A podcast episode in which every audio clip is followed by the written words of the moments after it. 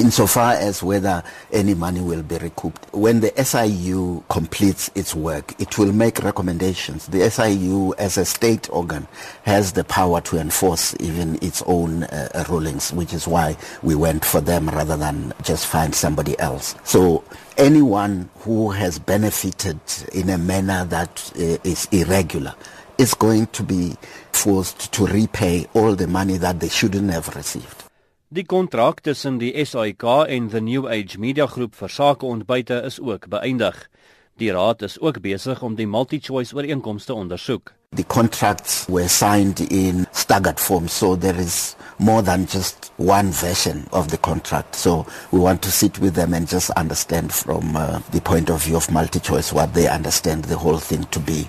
That contract with multi-choice brought into being 404 the SABC News and ENCO.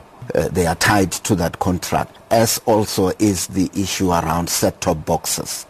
So it's an onion that will need to be peeled uh, uh, one layer at a time so that we can also understand where it, it is standing.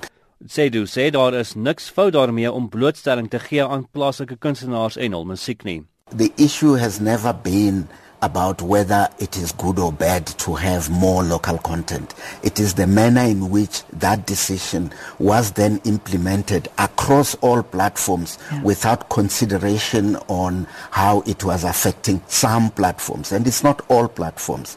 The African language stations, for example, were not affected Indeed. because they were already playing, playing in that music. zone. Stations like Metro on particular days, especially Sundays, were, were heavily uh, affected 5FM, Good Hope, Lotus, they were badly affected. So whatever the rollback is, has to take cognizance of the fact that the, ma- the majority of our stations are not affected by this.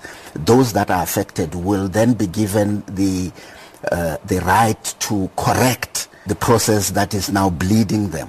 Die groot uitdaging bly egter om die publiek se vertroue in die uitsaaier te herstel. The major credibility point for the SABC is its news output. The editorial code is now going out for public comment. The process will start in the next few weeks. On this Thursday, we are starting a process with the first workshop in a series of workshops that will that is going to involve all the journalists of the SABC from across the country. We're bringing in experts from different broadcast houses, including the BBC and others, and other journalists, to just start talking about what is it that a public broadcaster journalist yes. should be doing and not doing.